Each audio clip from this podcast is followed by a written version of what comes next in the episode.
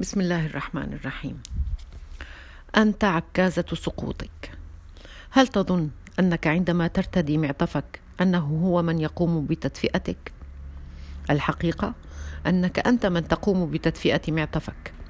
وما مهمة معطفك إلا منع حرارة جسمك من التسرب ليس أكثر. وكما أن هذا المعطف لن يدفئك إلا من خلال حرارة جسمك وكذلك معلمك. لن يكسبك العلم إلا بجهدك أنت. وصديقك لن يشحذ همتك ما لم تقرر ذلك أنت. ومواساة القريب لك لن تجدي نفعا ما لم تنتشل نفسك بنفسك أنت. أنت عكازة سقوطك ودفء شتائك ومجداف قارب ومجداف قاربك وهدوء ليلك وسكينة نفسك. أنت من يعلي شأنك ويهتم بروحك فقط. انطلق وتوكل على الله وكفى بربك وكيلا.